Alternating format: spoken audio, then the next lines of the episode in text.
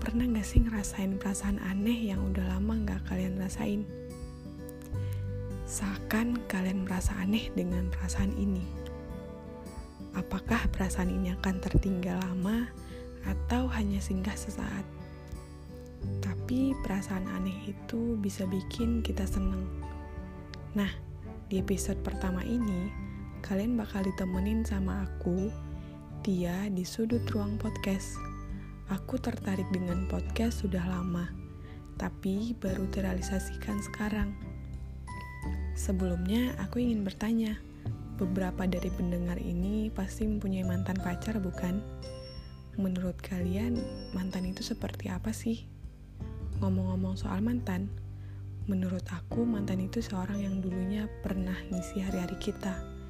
Seseorang yang pernah bikin kita nyaman seseorang yang pernah bikin kita seneng dan ya walaupun pernah buat kita sakit tapi dengan adanya mantan kita bisa mendapatkan pelajaran baru dan menjadi lebih baik ke depannya buat kalian yang berusaha untuk move on pernah ngerasain kegagalan gak?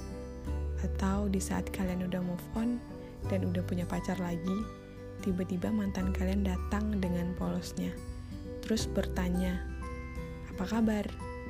Mungkin dari beberapa orang ada yang seneng, biasa aja, atau bahkan marah. Nah, pendapat beberapa orang mengatakan kalau mantan itu bisa dijadiin temen kok. Putus bukan berarti nggak bisa saya lagi dong. Bahkan mantan bisa dijadiin sahabat karena mantan salah satu orang yang tahu baik buruknya kita. Iya gak sih? Tapi ada beberapa pendapat lain yang bilang kalau mantan itu harus dimusnahin. Ya biasalah, alasan seseorang menjadi mantan kan berbeda-beda.